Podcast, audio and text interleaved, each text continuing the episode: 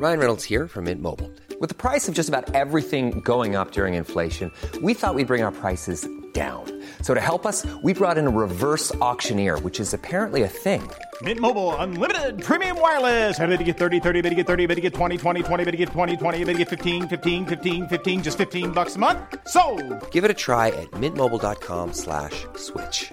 $45 upfront for three months plus taxes and fees. Promo for new customers for limited time. Unlimited more than 40 gigabytes per month. Slows. Full terms at mintmobile.com.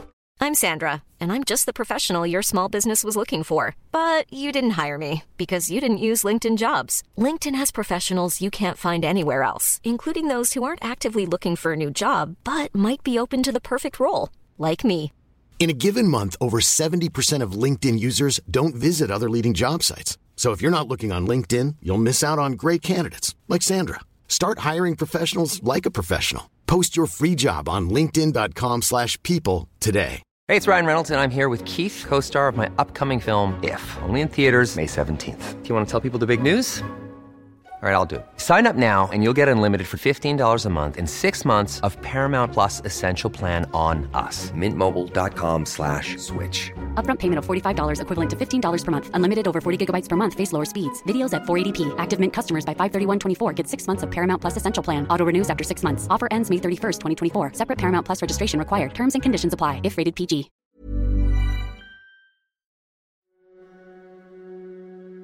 Jag är fortfarande brusad och vaknar sådär med ett kraftigt ryck så jag får panik, chock. Ja, hon säger i alla fall att han är död. Jag, Vem säger detta? det är Johanna. Vid femtiden på morgonen den 4 juli väcks småbarnspappan Jimmy av sin dåvarande sambo Johanna. Han är fortfarande berusad och beskriver uppvaknandet som om det vore en film. Johanna säger orden “han är död” och syftar på den 27-årige Joakim som ligger avliden ute på gatan. Du lyssnar på Rättegångspodden och på Hagelskotten i Vänersborg, del 2. Mitt namn är Nils Bergman. Och vem är han är död? Syftar de på? Det vet jag inte. Hon säger bara det. Eh, Jag sätter mig upp. eh, Och börjar gå neråt. Och mot trappen. Eh, då går jag över geväret. Det ligger på sovrumsgolvet. När jag kommer till trappen så ser jag att det är två stycken hagelsvärmar i väggen. Jag går ner för trappen och där ser jag att det är träfliser. Jag går ner i vardagsrummet. Ser att det är blod på golvet. Eh, att altandörren är öppen. Så går jag ut och eh, ser att det ligger någon på trottoaren.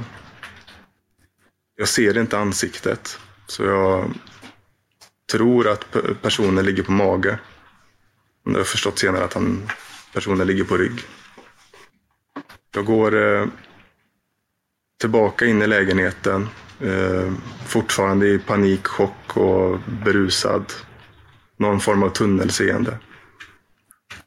Eh, jag går upp och tar tag i hagelgeväret. Jag låser in det och eh, går ner till nedervåningen igen. I panik där så går jag fram och tillbaka. Jag vet inte riktigt vad, vad jag ska göra. Eh, jag ringer mamma. Varför gör du det? Det är ju femtiden på morgonen det här. Ja, jag, jag har sån panik och chock så jag vet inte riktigt vad jag ska göra. Så jag, jag vet inte, jag ringer mamma bara. Sen så hör jag att eh, Johanna säger att polisen snart är på väg. Då eh, avslutar jag samtalet med mamma. Och eh, öppnar ytterdörren för att, jag vet inte, för att polisen inte ska bryta sig in. Ehm, och så går jag ut och ställer mig på utanför huset. Och precis när jag går ut så är polisen där. Och eh, då blir jag gripen. Fick du lägga händerna bakom huvudet? Jag fick lägga mig ner på marken. Mm. Och det gjorde du? Ja. Tyckte du inte det var konstigt det liksom att du tog som hand av polisen här? För du hade ju inte gjort någonting. Jag minns inte vad jag tyckte och tänkte då. Man kan, varför lät du dig gripas här liksom för eh, någonting som du inte vet skulle ha hänt eller som du skulle ha gjort? Jag vet inte. Jag... Jag är sån panik och chock så jag bara gör som jag blir tillsagd. Efter att Jimmy gripits förhörs han av polis, men är lika fåordig där som han är i rättssalen. Han påstår att han sovit och inte vet vad som har hänt under natten. Men åklagaren Daniel Edsbagge har åtalat honom för mord och bygger delar av åtalet på det larmsamtal som hans sambo Johanna ringer in.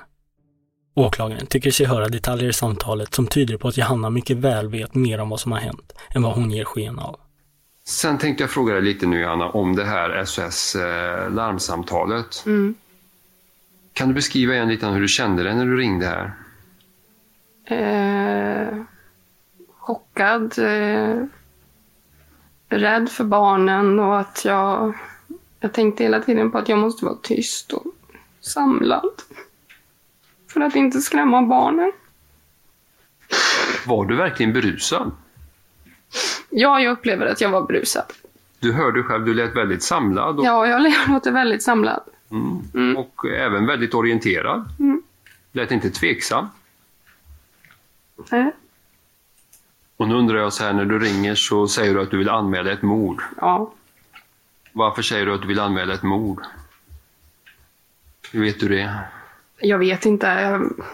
Jag vet inte ens om jag vet att vad innebörden till mord är förrän nu när jag liksom sökt på det på internet och grejer. Jag vet inte varför jag säger ett mord.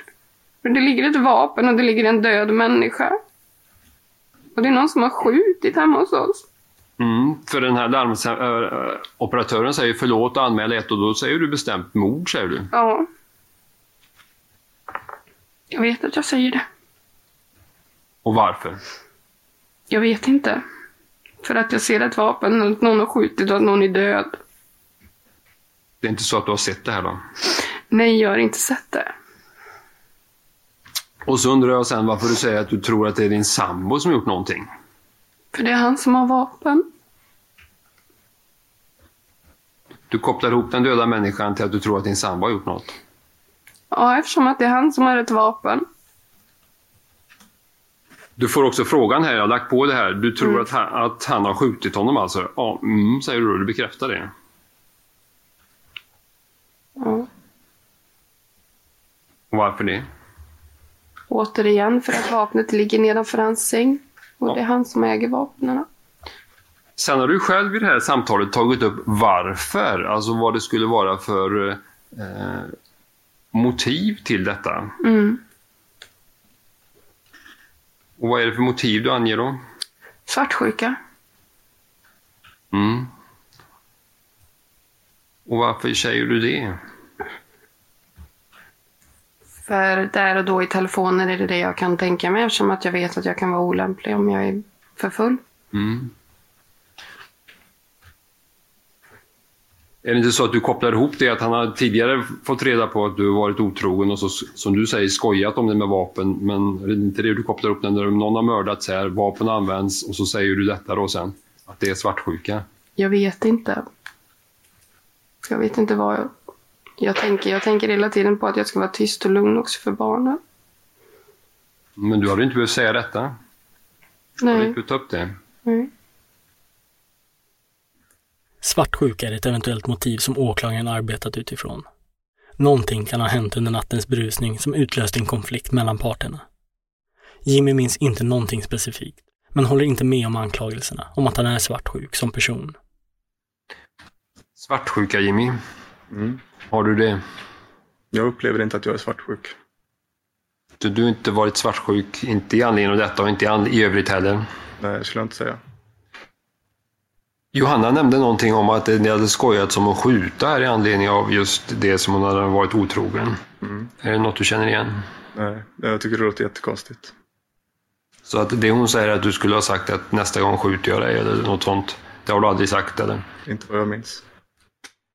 Men huruvida svartsjuka kan vara ett motiv eller inte är inte avgörande för åklagaren. Han behöver inte presentera ett motiv, utan behöver bara styrka gärningen, att det är Jimmy som skjutit Joakim till döds. Det anser åklagaren att han kan bevisa, genom den omkringliggande tekniska bevisningen. Du har ju också Jimmy, du har ju en patron i fickan. Ja. En skarp patron. Mm. Hur kommer det sig? Jag vet inte. Eh, Det- ja, varsågod. Ja. Antingen så har den legat där sedan jag har avlivat hunden.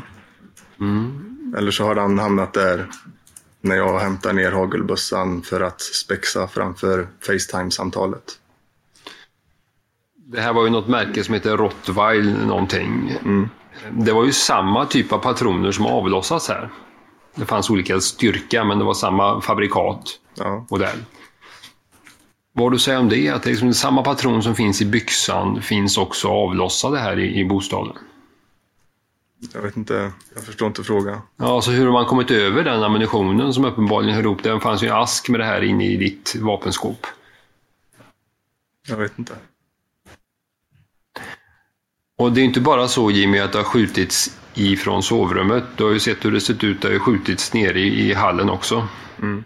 Och även utanför. Är det du som har gjort det? Nej. Kan du utesluta det? Ja. Då måste jag ändå ställa den andra frågan då, alltså den frågan som hör ihop med det. Vem har gjort det här då? Jag vet inte. För om vi tittar på hur situationen ser ut Jimmy, så är det ju det, det är du, Johanna och Joakim som är där och ser era två små barn. Någon annan person har du i alla fall inte berättat om skulle varit hemma hos er eller besökt er här. Jag vet inte vad det är som har hänt. Men då undrar jag så här, du, måste, du har haft lång tid på dig nu att sitta i häktet och den här utredningen. Vem, vad är din uppfattning om vem som skulle ha skjutit här då? Jag vet inte vem det är. Kan det vara Johanna? Jag vet inte. Kan hon skjuta? Jag vet inte. Din svärmor? Jag vet inte vem det är. Jimmy vet heller ingenting om varför polisen hittade hans vapenskåpsnyckel lös på bordet på altanen, men inser att det måste varit han som har tagit loss nyckeln från nyckelknippan och lagt den där. Han vet inte varför Joakims mobiltelefon fanns i hans och Johannas sovrum och han vet inte varför det på morgonen finns mossa i deras säng. Han vet inte heller varför han har DNA från Joakim på de kläder han bar vid tillfället. Sen är det ju så Jimmy att vi har ju undersökt dina kläder och det, om jag förstod det rätt så är, är vi inte oense om det. Att det här var den eh, t-shirten som du hade på dig. Mm.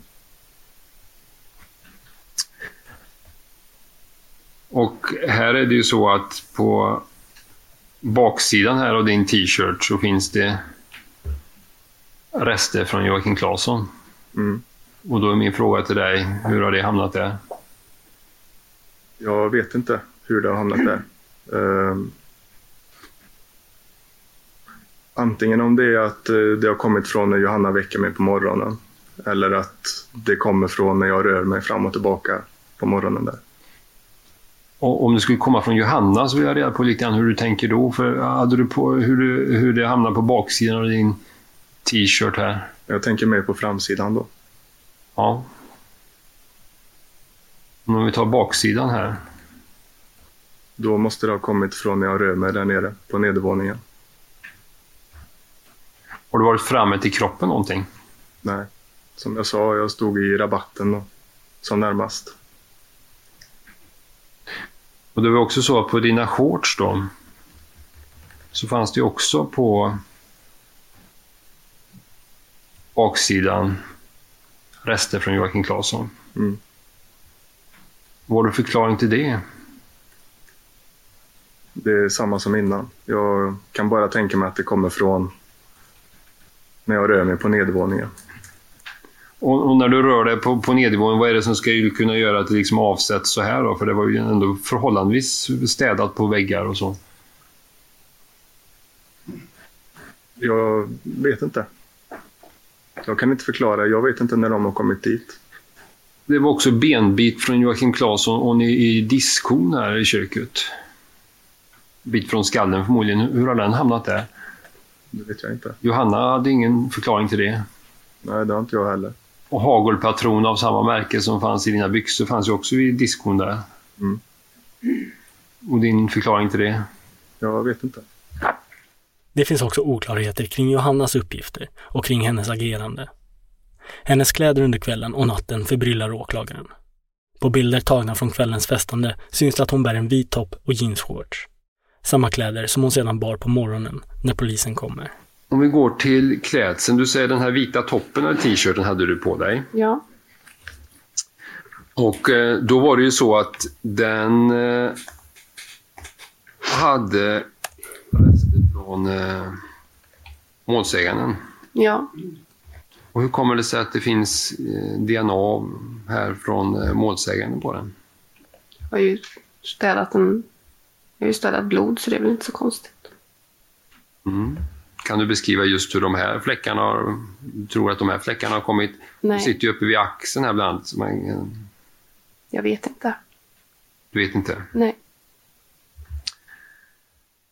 Det som förbryllar åklagaren angående klädseln är att kriminaltekniker fastställt att även en grå klänning burits av någon under kvällen och specifikt vid tillfället då Joakim sköt. Blodstänket på klänningen visar att klänningen inte kan ha legat ihopvikt eller upphängd intill offret, utan måste ha burits på någons kropp. Då undrar jag över den här. Vem ser den här klänningen? Det är min klänning. Ja. Var fanns den någonstans? Jag vet inte vart den fanns. Du vet att jag berättade här att den hittades ju i en plåttunna som låg under trappan till hallen. Ja. Den har ju en, som jag beskrev, en stänkbild och det är det man ser här vad man har plockat fram DNA och det kommer från målsägaren. Mm. Och då är min fråga till dig, har inte du haft på dig den här då? Nej, jag har inte haft på mig den. Jag har på mig min vita t-shirt och mina blåa jeans. Mm. Det, vi såg ju det fotot på det också. Men det kan ju vara så att du har bytt kläder under kvällen och gått och lagt dig vid något tillfälle och sen tagit på dig den här. Ja, jag kan inte svara på det för jag minns inte, men jag förstår inte varför jag skulle göra det. Mm. För det är det som är lite skillnad. Du sa att nej, jag har inte haft på mig den, men det är skillnad i det att du säger så här att jag inte minns om jag har haft på mig den. Mm. Är det så? Jag minns inte om jag på, att jag har haft på mig den. Men det här är din klänning. Det är min klänning. Och då är det viktigt här att få reda på då, för den här har den, jag påstår att den här klänningen har varit i närheten av den som har skjutit. Ja, Och då vill jag reda på vem använder den här då, om du inte använder den? det kan jag inte svara på. Har den varit framme på något sätt under kvällen? Inte vad jag kan minnas. Hur har den hamnat? Brukar den ligga där i den här blåa, eller den här tunnan? Plåttunnan? Nej. På grund av att Johannas klänning har betydande blodstänk på sig, att det sköts från deras sovrum, att Joakims mobil låg i sängen samt att Johanna själv uppgett att det kan röra sig om svartsjuka, får åklagaren att tro att Johanna har närvarat under skjutningen. Det kopplas också ihop till det att ni har skämtat om det, att det ska skjutas om du är otrogen. Mm. Är det inte så Johanna att du har varit med om det här? Jag har inte varit med om det här vad jag kan minnas. Kan det inte vara så att du inte vill berätta om det här för att du känner skuld i det som har inträffat och därför Nej. inte vill berätta om det? Nej, Du är säker på det? jag är helt säker på det. För nu är chansen för dig att berätta. Jag vet det. Jag kan inte inte säga tillbaka. någonting som jag inte minns. Jag kan inte säga något som jag inte har någon aning om. Jag kan bara säga det jag vet. Det har jag gjort från start. Då ska jag inte ställa mer frågor nu. Tack. Åklagaren får inte ut mycket mer information från varken Jimmy eller Johanna. Och den tredje personen som fanns i lägenheten, Johannas mamma, har valt att inte vittna. Men trots det är åklagaren övertygad om att Jimmy är den som avlossat skotten. Och i hans slutplädering förklarar han varför. Och eh, hur kan jag säga det då? Jo, om man tittar på eh, skottriktningen här så har ju vapnet hållits fast så att säga, liksom i samma, eller riktats på samma sätt. Det är bara en liten skillnad i avstånd, men den har träffat varsin sida av en träregel. Vapnet har rekyl som vi ser. Klickpatroner är urtagna innan och isatt. Och på de klickpatronerna så finns ju Jimmy Tims DNA. DNA. Alltså den personen som har skjutit här har haft kunskap om hur ett vapen eh, fungerar. Eh, man har alltså haft, vetat om också hur det har sett ut, att det har varit klickpatroner innan. Det har skjutits två skott på övervåningen. Jag anser att det är där det har börjat. Det finns ingen anledning att tro någonting annat. Däremot är han skjuten till döds då Joakim Claesson i hallen. Vad talar för det då? Ja, blodbilden där. Hur badrumsdörren ser ut. Det har skvätt på vägg, golv och tak. Det finns en benbit där. Det har städats där också. Det, hittar man, det finns rester av städning som syns inne i badrummet och det ligger också någon benbit i diskhon. Det finns förladdning som finns förladdningar där också. Spåren från hallen är ju, kunde man se även när vi hade syn där, att kroppen har släpats ut. Altan, gräsmatta, häck, trottoarkant. Vad vi vet också är att Klasen är skjuten mot underlivet från altanen. Och det har skett efter det att han är död, för det finns ingen, han kan inte ha tagit sig ut själv. Han har avlidit direkt utav de här skotten. Hur vet vi att han är skjuten mot underlivet från altanen då? Jo, det finns en riktning av hagel. Alltså om, om ni tittar på bilden på sidan 12 i bilaga 6, den sekretessbilagan i brottsplatsundersökningen, så ser man hur haglet har liksom forsat fram över underlivet och upp vidare mot eh, låret. Eh, man ser den riktningen väldigt tydligt. Avståndsbedömningen som eh, NFC har gjort. Förladdningen ligger i den riktningen. Det är det som tekniken berättar det som skvätter ut från eh, patronen. Obduktionsprotokollet pratar om fjärrskott eh, och det stämmer med 5-7 meter när vi hörde läkaren här. Så alla de omständigheterna visar att det här har skjutits från altanen. Där har det sista skottet avlossats. Åklagaren menar att anledningen till att Jimmy har blod och vävnadsrester från offret på sina kläder är för att han har hanterat kroppen efter det att han har skjutit. Men exakt hur kan han inte genom teknisk bevisning förklara. Men menar att mossan som påträffats i sängen är en ledtråd. Vapnet på morgonen vid foten av sängen, vid sängen, i sängen har Jimmy Tim legat. Det är mossa på lakanet och vad det är för betydelse då? Jo, eh, jag påstår att det är någon som varit ute, att det är Tim som varit ute och släpat ut den här kroppen på gräsmattan och det har ju kunnat gjort att man har fått med sig jord och sånt och av någon anledning påstår jag att han har gått och lagt sig sen. Man vet inte vilken sida, jag har tittat på det, men lakanet har tagits ihop på det sättet så att det är först sen när det vecklas ut som man hittar mossan. Han har varit i sängen och där finns också målsägandens telefon. Antingen är det så att han har tagit den från kroppen eller också visar det helt enkelt att målsägaren har varit där uppe i sovrummet. Förmodligen det sistnämnda. Tänk också på hur det är skjutet här. Tillvägagångssättet vid skotten. Det är en tränad skytt som har skjutit. Hur kan jag säga det då? Det här är ju ett vansinnigt då man skjuter där inne. Jag börjar i sovrummet. Det är kontrollerat som jag redan har nämnt. Om man fortsätter där nere så är det absolut inte så att man har skjutit hejvilt. Det har träffats rätt i, i livet på målsägaren och, och i hans tinning. Det här var ju förvisso så att det var ett påsittande skott. Men särskilt det sista skottet där, när man har stått på altanen, eh, så är det ju på 5-6 meter och centrerar det liksom mot underlivet på målsägaren. Man måste också liksom veta om hur man ska hantera det här vapnet för att kunna ladda om och säkra. Ni har sett det också, den rekylen jag pratade om. Och att få iväg de här skotten på det sättet, då eh, måste man ha arbetat med eh, vapen. En annan omständighet här är att Claesson vägde 88 kilo eh, och det krävs någon som har viss styrka för att få ut honom och därför påstår jag bland annat att det är Jimmy Team han ringer också sin eh, mor på morgonen här. Eh, och oklart varför. Han sa när det händer någonting så vill han prata med sin mamma och det är vid femtiden. Jag kan ju spekulera i det men på något sätt att ta farväl utifrån att han förstår att han har gjort något här som inte är bra. Av särskilt intresse är också det att han talar med polisen när han grips. Han pratar om eh, en skjuten person och han är ingen mördare. Han skjuter endast rådjur. Hur vet han det? Att det är någon som är skjuten? Hur vet han om att det är ett mord som ägt rum här? Det kan ju vara vådaskott, till exempel. Grannen Adrik vittnade också om att han hört en kvinna skrika ”sluta nu” under natten. Det, tillsammans med faktumet att den gråa blodstänkta klänningen burits av en person som befunnit sig i närheten då offret sköt, ger åklagaren en indikation om att Johanna varit medveten om vad som har hänt och att det också är därför hon väljer att städa. Det är också så att det är Johanna som städar. Det visar att hon vet vad som har hänt här. Och det kan vara så att hon städar för delvis, hon tar ju bort spåren men det gör hon med, med, förstår det samtidigt som hon förstår att barnen kanske inte ska se det här. Vem är det också som ringer SOS larmsamtal och anmäler? Det är Johanna. Men det går vidare. Tittar man på innehållet i SOS larmsamtalet så säger hon det att jag vill anmäla ett mord. Hur vet hon det? Ja, hon säger att det handlade om att du såg vapnet där på morgonen. Ja, men det kan väl vara ett vådaskott? Varför skulle det vara så att någon har skjutit ihjäl någon? Och hon tar upp direkt sen, tror min sambo gjort någonting? Och upprepar det. Det är inte på några ledande frågor från operatören. Hon anger också ett motiv utan ledande frågor. Svartsjuka tas upp. Kan man återigen fråga sig varför?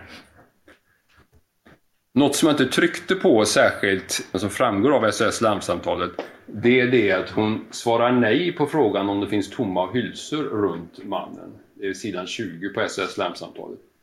Hur vet hon det? Hon svarar sen på nästa fråga, det har inte skett utanför, det har skett här. Och också frågan, hur vet hon det? Det beror på att hon har varit med. Hon har direkt uppsåt till det här, att ta bort det här. Den kedjan som jag visar här, det länkar de båda till gärningen. Hon beskriver vem det är som har gjort det när hon anmäler. Hon städar det här. Så klänningen, SOS larmsamtalet och det som vi sen ser städningen här, det bildar målet kan man säga.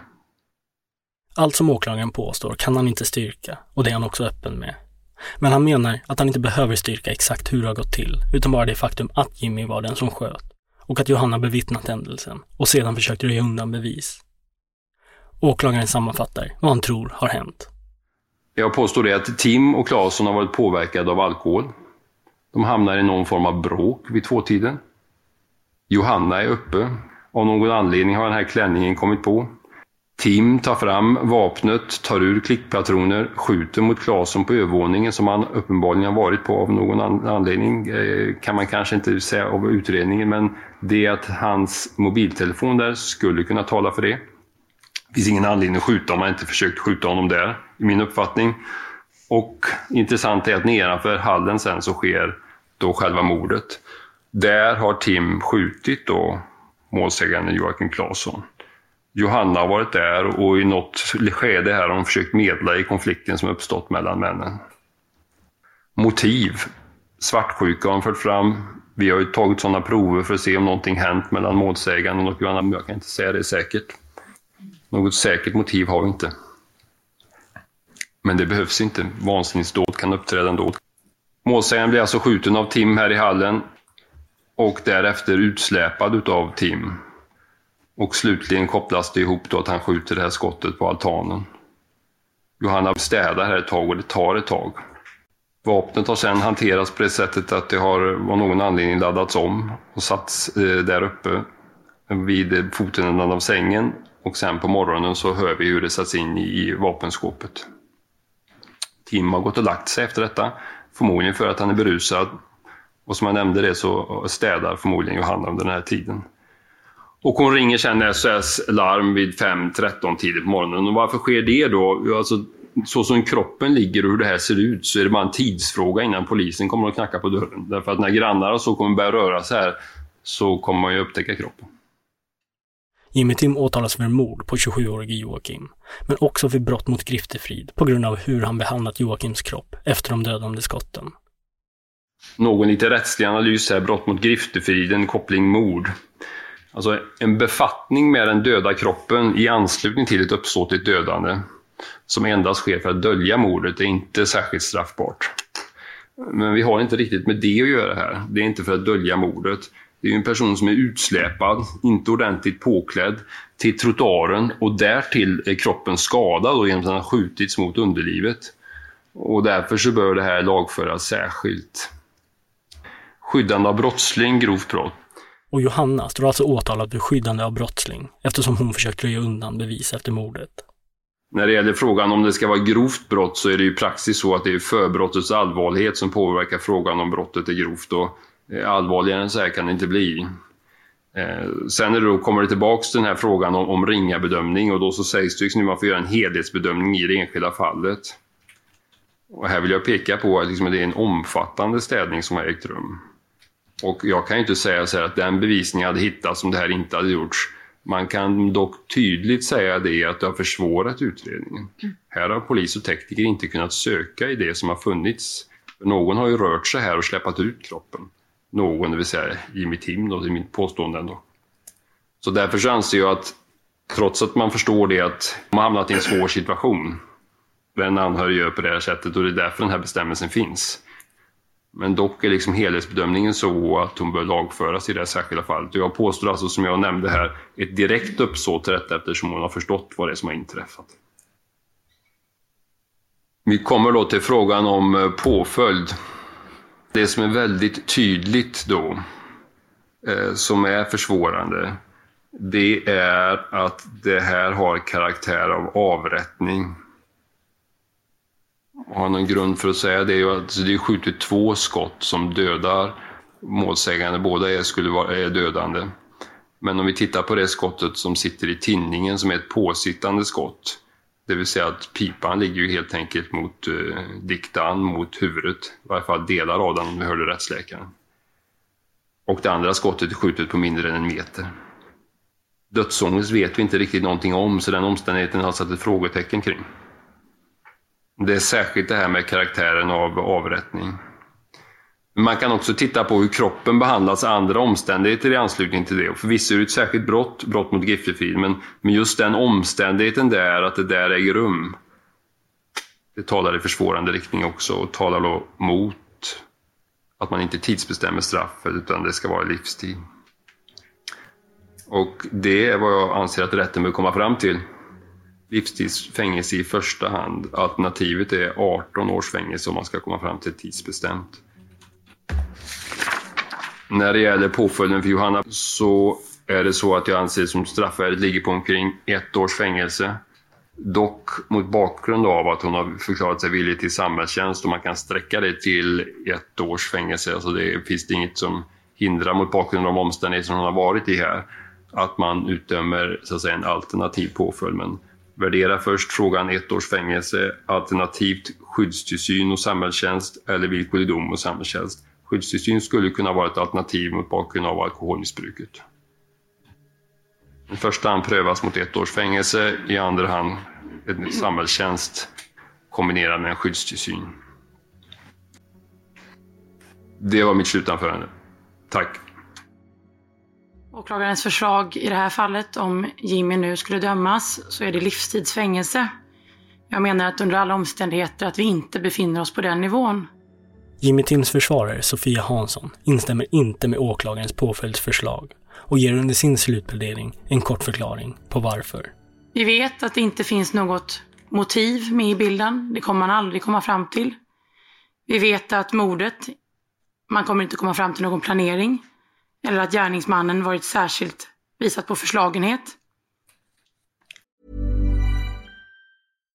If you're looking for plump lips that last, you need to know about Juvederm lip fillers. With Juvederm Volbella XC and Juvederm Ultra XC, your lip look, whether it's subtle or bold, can last up to one full year with optimal treatment and no additional maintenance. Find a licensed specialist and see if it's right for you at Juvederm.com today. That's J U V E D E R M.com. Add fullness to lips in adults over 21 with Juvederm Volbella XC or Juvederm Ultra XC. Do not use if you have severe allergies or a history of severe allergic reactions, or if you're allergic to lidocaine or the proteins used in Juvederm. Tell your doctor if you have a history of scarring or taking medicines that decrease the body's immune response or that can prolong bleeding. Common side effects include injection site redness, swelling, pain, tenderness, firmness, lumps, bumps, bruising, discoloration, or itching. As with all fillers, there's a rare risk of unintentional injection into a blood vessel, which can cause vision abnormalities, blindness, stroke, temporary scabs, or scarring. For full important safety information, visit juvederm.com.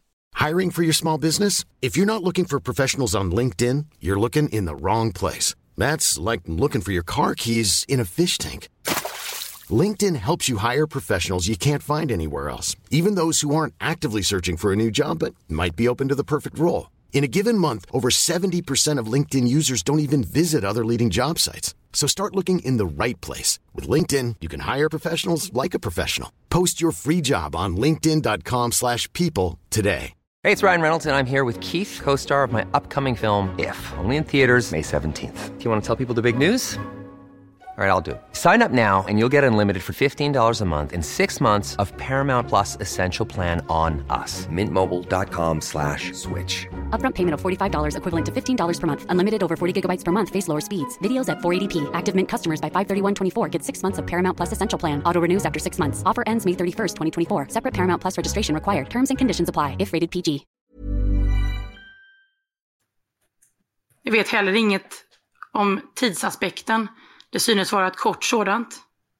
Och som förmildrande omständigheter, och här vill jag att ni lyssnar noga, som förmildrande omständigheter till förmån för gärningsmannen framgår i domar om offret på något sätt, om offret alltså på något sätt varit delaktig själv i våldsutövandet. Eller om offret utsatt gärningsmannen för viss provokation. Vi vet att samtliga varit alkoholpåverkade. Så ska det ses i förmildrande riktning. Och det vill jag att ni tar med er. Och varför man i slutändan under alla omständigheter inte kommer kunna anse att det här ligger på livstidsnivå. En ytterligare kommentar kring brott mot griftefrid. Här är jag av den uppfattningen att den åtalspunkten det ska ses som ett underled till första punkten, mord. Det är en del i den och ska inte dömas särskilt. Det var egentligen de kommentarer jag hade eh, kring påföljd och även kring hur jag ser på, på själva stämningsansökans utformning. Nu över till min plädering. Rätten är ju fri i sin bevisvärdering att avgöra själv vilket värde ett visst bevis ska tillmätas. Så är det. Men med det sagt så kan inte ni få döma efter subjektiv övertygelse. Så är det också. Bevisvärderingen den ska alltid vara objektivt grundad och får inte vila på ett sammanfattande intryck av målet. Ni måste titta på varje bevistema för sig för att sen se till helheten. Och vi vet att i brottmål så gäller oskyldighetspresumtion. Och det innebär att varje tilltalad ska betraktas som oskyldig tills motsatsen bevisats. Den här presumtionen den är inte reglerad i nationell lag utan den följer av Europakonventionen, artikel 6. Och åklagaren ska kunna presentera bevisning som är så stark att sannolikheten för att en tilltalades skuld den ska förflyttas från utgångsläget oskyldig till ett läge där skulden är ställt bortom rimligt tvivel. Så säger man. Den mest väsentliga frågan i det här målet som vi sitter med nu är om det går med säkerhet att säga att det är Jimmy Tim som har berövat Joakim Claesson livet. Det är knäckfrågan i målet. Går det med den bevisning som har presenterats här att säga att det är så? Är det ställt bortom rimligt tvivel? Nej, det är det inte. Jimmys försvarare listar upp en rad punkter på vad hon anser vara brister i utredningen och som tyder på att man inte med säkerhet kan fastställa att Jimmy är den som mördat Joakim. Punkt 1 är motiv. Ett motiv skulle kunna ge en förklaring till händelserna och att avsaknaden av en sån förklaring försvagar övrig bevisning. Nummer två. Det finns inga ögonvittnen. Det har hörts både misstänkta, närstående, som var närvarande under kvällen och även vittnen utanför. Samtliga har gemensamt att ingen av dem har sett någonting av aktuell händelse. Det är viktigt att ha med sig. 3. Det har inte påträffat något spår från Jimmy på målsäganden. Här är ett fall där Jimmy är misstänkt för att ha släpat ut en blödande vuxen man, 88 kilo har vi fått till oss, ut genom huset, ner för altanens trappsteg, vidare över gräsmattan. Saknas alltså spår från Jimmy på målsäganden. Det finns alltså inga spår på målsäganden från Jimmy. Inte någonstans på Claessons kropp har man kunnat hitta DNA från Jimmy. Och detta med beaktande av att man påstår att han ska ha dragit och hållit i hans armar. Ändå finns det inget DNA från Jimmy på målsägaren. Inte heller Jimmy menar jag har några försvårande spår från målsägaren på sig. Polisens kriminaltekniker Malmeling, han är ju hörd här i rätten. Och han säger att, att har man blod på sig så måste det betyda att man har varit i kontakt med offret. Och han menar att det kan ha stänkt dit. Så säger han i sitt förhör. Men NFC de har ju sin redovisning gällande Jimmys shorts. De har fastställt att i vart fall en av de små fläckarna på Jimmys shorts som man har kunnat konstatera vad det är, det är avsatt avstruket blod. Fundera på vad det är. Avsatt avstruket blod. Man kan ha kommit åt någonting. Man kan ha kommit åt en vägg eller liknande och på så vis fått det på sig. De övriga fläckarna kan man inte fastställa. Och att det som enligt Malmeling då ska ha stängt på Jimmy, det är alltså ingenting som NFC gör gällande någonstans i sin utredning. Det finns ingen utredning vad gäller Jimmy som visar på att någonting ska ha stängt på honom. Det finns ingenstans i materialet där det står att någonting ska ha stängts på honom. Så det är fel. Man ska även notera att, att fyra av de här fläckarna de finns på baksidan av Jimmys shorts. På baksidan. Och med tanke på vad som görs gällande från åklagarens sida, att man även då kan man ju även ifrågasätta hur Jimmy skulle fått Claessons blod på baksidan av sina shorts vid ett eventuellt stänk. Det är mer troligt att han faktiskt har gått emot någonting. Eller hur? Och båda fläckarna på Jimmys t-shirts, när man konstaterar att även det är avsatt och avstruket. En rimlig förklaring till detta tycker jag är följande. Johanna, hon städar upp både blod och vävnad från golv och väggar, det vet vi. Och sedan så väcker hon Jimmy på morgonen. hon ruskar om honom på morgonen när hon väcker honom. Han har små, små stänk, fläckar. Nu säger jag fel för det är inte stänk, utan det är två avtryck på hans t-shirt. Att de kan ha uppstått i samband med att hon drar tag i honom på morgonen. Det är väl inte helt otroligt. Hon har ju vävnadsrester och blod på sina händer. Hon har ju städat runt där nere. Det säger hon själv. Är det så otroligt att hon har kunnat kontaminera honom på det sättet? Verkligen inte. Och vad gäller hans ytterligare kläder, alltså shortsen, så är det också ett tänkbart scenario att han har kunnat komma åt en vägg eller dylikt när han är nere och går i vardagsrummet. När Jimmy är på väg ut, ni vet, när han ska titta på mannen utanför. Och med tanke på det här tillvägagångssättet så menar jag att man starkt kan ifrågasätta då att avsaknaden av ytterligare spår från målsäganden på Jimmy. Han borde haft mer blod på sig. Han borde haft mer spår på sig. Jimmy borde sett ut som att han var med om en slakt när han släpper ut honom. Men så är inte fallet. Det finns inga spår på hans händer och framförallt inga spår under hans naglar. Ett ställe där det verkligen borde ha fastnat någonting. Om han nu ska så bryskt ha tagit tag i honom. Men sånt finns det inte heller. Inget sånt spår finns överhuvudtaget. Det är ett problem för åklagaren. Och det blir ett problem i slutändan här. Övriga oklarheter som försvararen listar upp berör bland annat ett okänt skoavtryck i blodet på altanen som man inte har kunnat binda till någon.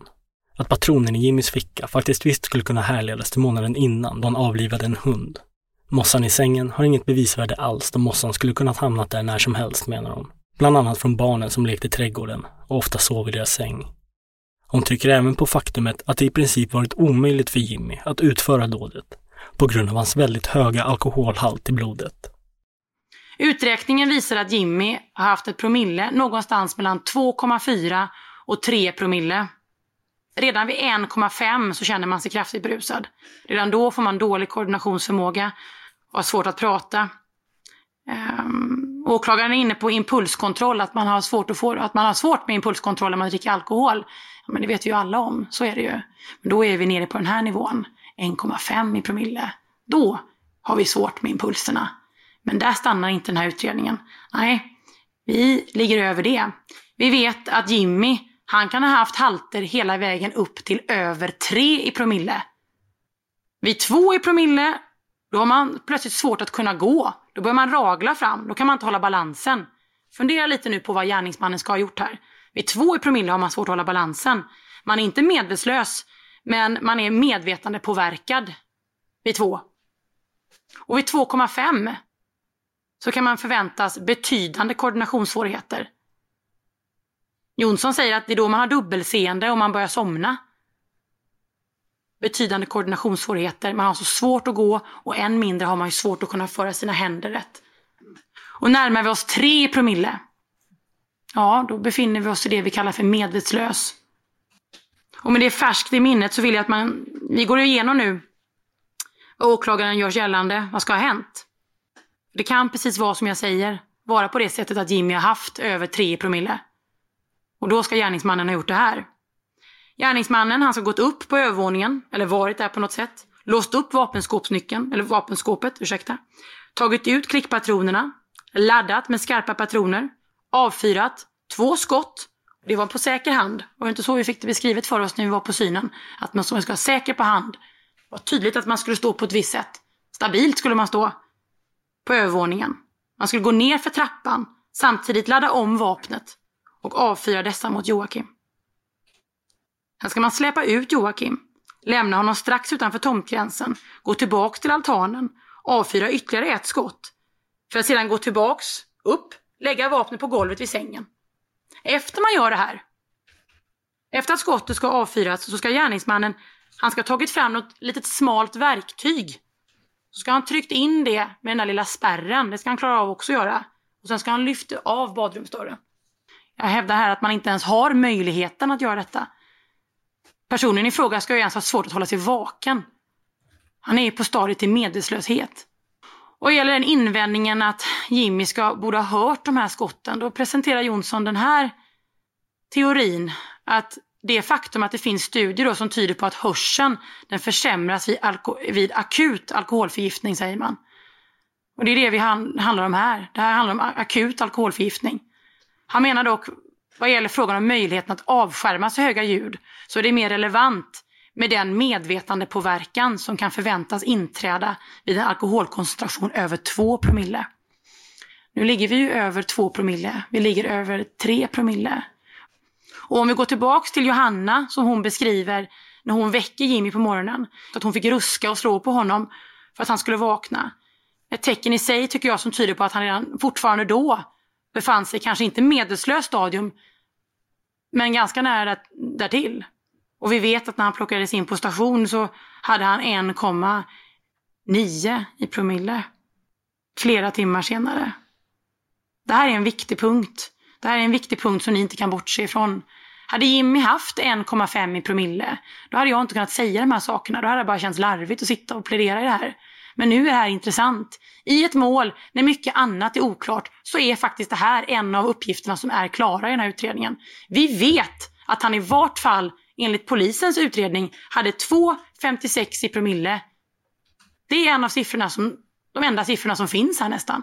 Så det här är en viktig fråga. Jag hävdar att han inte haft förmågan att kunna göra detta. Han har varit så berusad så att han har varit om på gränsen så möjligen närheten av medvetslös. Och då kan man inte utföra det som påstås. Det här är alldeles för komplicerat. Det spelar ingen roll att man har licens för att hantera ett vapen.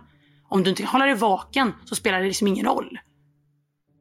Försvararen menar att det inte går att utesluta en alternativ gärningsman och bara faktumet att hon kan lista upp en lång rad punkter på oklarheter är skäl nog för rätten att inte gå på åklagarens linje. Jag menar att det föreligger verkligen någon direkt eller teknisk bevisning som knyter Jimmy till aktuell gärning. Och då målet ger så pass mycket öppningar för fria spekulationer, för det är det ni får i knät nu. Det är mycket fria spekulationer här. Och fri tolkning som det här målet faktiskt ger. Då anser jag att det kan inte ses som ställt bortom rimligt tvivel att det är Jimmy Tim som är gärningsman. Varför åtalet mot honom ska ogillas. Och Jimmy Tim, han yrkar för egen del att bli försatt på fri fot omedelbart. Ja, tack.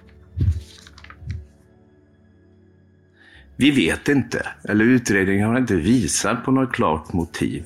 Och det, det får vi nog aldrig reda på. Någon som däremot håller med åklagarens linje är Joakims familjs målsägandebiträde Tommy Nilsson. Inledningsvis menar Tommy att det är beklämmande att grannar har hört skott avlossas, men att ingen i lägenheten hört något. Han anser det orimligt att alla i lägenheten skulle vara på gränsen till medvetslös under natten och därav missat att höra skotten. Han menar att det är rimligt att tro att en eller flera av de inblandade har ljugit under sina förhör. Målsägandebiträdet Tommy kände även Joakim sedan tidigare och vill berätta om hur han var som person. Jag tror att jag är den enda i det här rummet som har träffat Joakim. Den enda som har känt, eller som kände honom något lite. Han var en ensam person, som åklagaren har sagt. Han var en, en särskilt, det var något särskilt med Joakim. Han brydde sig väldigt mycket om andra människor. Han hade ett rättspatos. Han, han ville att människor inte skulle bli mobbade. Han ville människor väl. Han var ingen elak människa som man, man kan associera med att han kanske var småkriminell eller på annat sätt avvikande. Det var tvärtom när det gällde Joakim. Det var en mycket, mycket, mycket fin person som avrättades här i Vänersborg. Sammantaget så är det här fråga om ett indiciemål eftersom vi inte har några direkta bevis. Visserligen så kan jag nog säga att vi har direkt bevisning också och det är den tekniska bevisningen. Teknisk bevisning kan både vara indirekt och direkt men vi, vi har viss direkt bevisning. Men ändå så blir det sammantaget en indiciemål. Och då måste man göra som eh, åklagaren och utredningen har gjort, nämligen lägga pussel. Och så ska det hålla om hela indiciekedjan är stabil. Och det vågar jag nog påstå att det finns i det här fallet.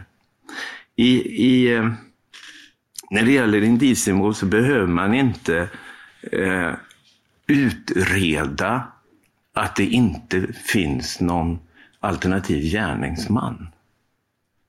Man behöver inte visa på det. Men jag tycker att utredningen har visat att det finns ingen alternativ gärningsman. För då skulle någon utomstående, precis som åklagaren sa, komma in i det här huset, en vilt främmande människa, hämta ut ett vapen från vapenskåpet eller hämta ett vapen som finns där, skjuta Joakim och sen släppa ut honom och sen skjuta en gång till och sen gå upp med vapnet och lägga det i sovrummet när det finns andra människor i huset. Det finns ingen möjlighet att det är någon utomstående. Det går inte. Och den, de indicie, eller den indiciebevisning som, som har lagts fram, eller som finns, har ett högt bevisvärde. Det är inte tu tal om saken. Och kedjan är stark. Jag behöver inte fortsätta med vad åklagaren sa om alla uttalanden som har gjorts som visar precis vad som har hänt. Jag håller också med om att eh, det här liknar en avrättning. Vi har varit inne i det här lilla, i den här lilla bostaden. Den lilla trappen som går ner till, till eh, undervåningen. Man skjuter gärningsmannen alltså. Skjuter först två skott där uppe. Jag har också tittat på dem och, och bedömt dem utifrån den kunskap jag har om vapen. Och det är en säker skytt som har avlossat båda piporna från övervåningen. Sen har man gått ner. Och vad har man gjort där nere? Jo, man har skjutit Joakim i bröstet eller i det skottet som gick in i magen först, vill jag säga. Av, av blodstänket och stänket utav de här eh, kroppsdelarna visar att det skottet borde varit först. Jag drar den slutsatsen. Vilket innebär att Joakim dör. Han dör direkt. Därefter sätter man pipan mot tidningen på Joakim avlossar ytterligare ett skott och skjuter av honom bakhuvudet. Då är han död. släpar ut kroppen över altanen som vi hört, går tillbaks och på 6-7 meters avstånd avlossar det sista skottet i skrevet på honom. Man kan ju skönja ett motiv. Men vi vet inte varför. Men det här sättet att behandla Joakim är ett uttryck för antingen är man tokig och har drabbats av någonting, men det visar ju att det utredningen att så har inte varit fallet.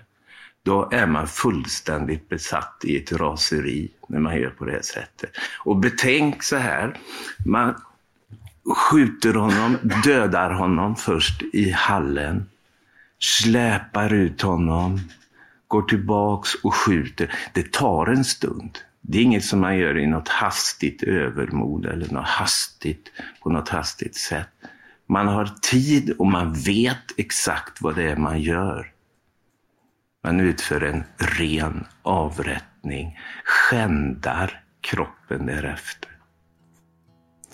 Vilket innebär att jag kommit fram till en påföljd som är exakt den som åklagaren framförde. Nämligen icke under 18 år, utan 18 år eller över. Men det är jag färdig. Tack för det. Ska vi ta en... Den 28 maj 2019 faller tingsrättens dom.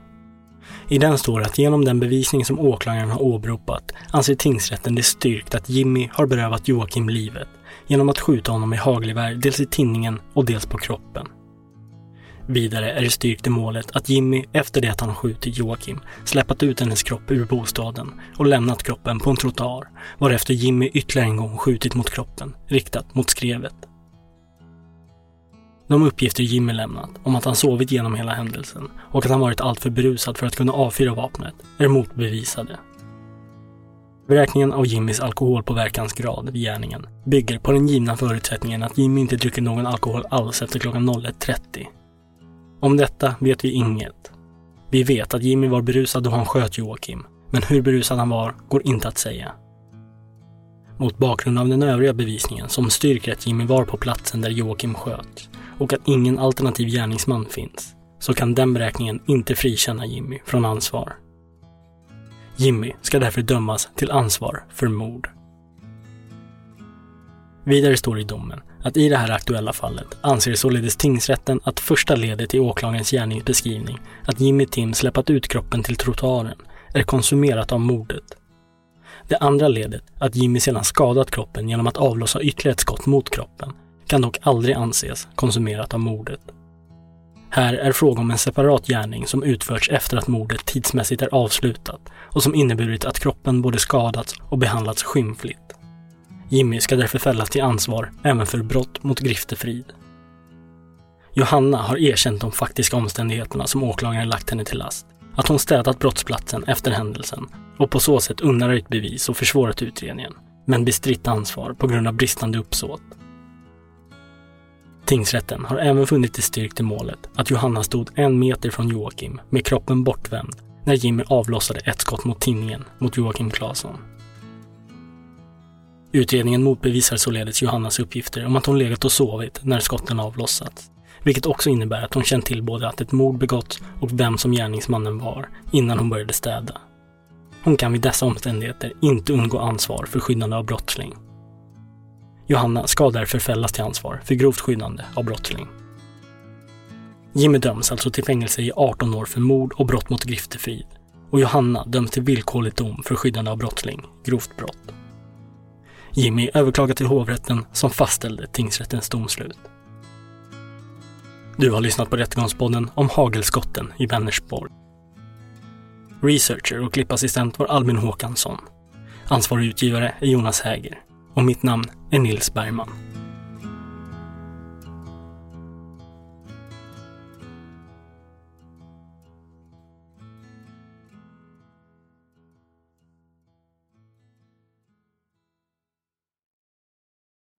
Rättegångspodden är en Tall Tale produktion. Ansvarig utgivare är Jonas Häger. Och Rättegångspodden görs i samarbete med Lexbase. Ange rabattkoden Rättegångspodden när du blir ny betalande medlem på lexbase.se och få tre kostnadsfria domar.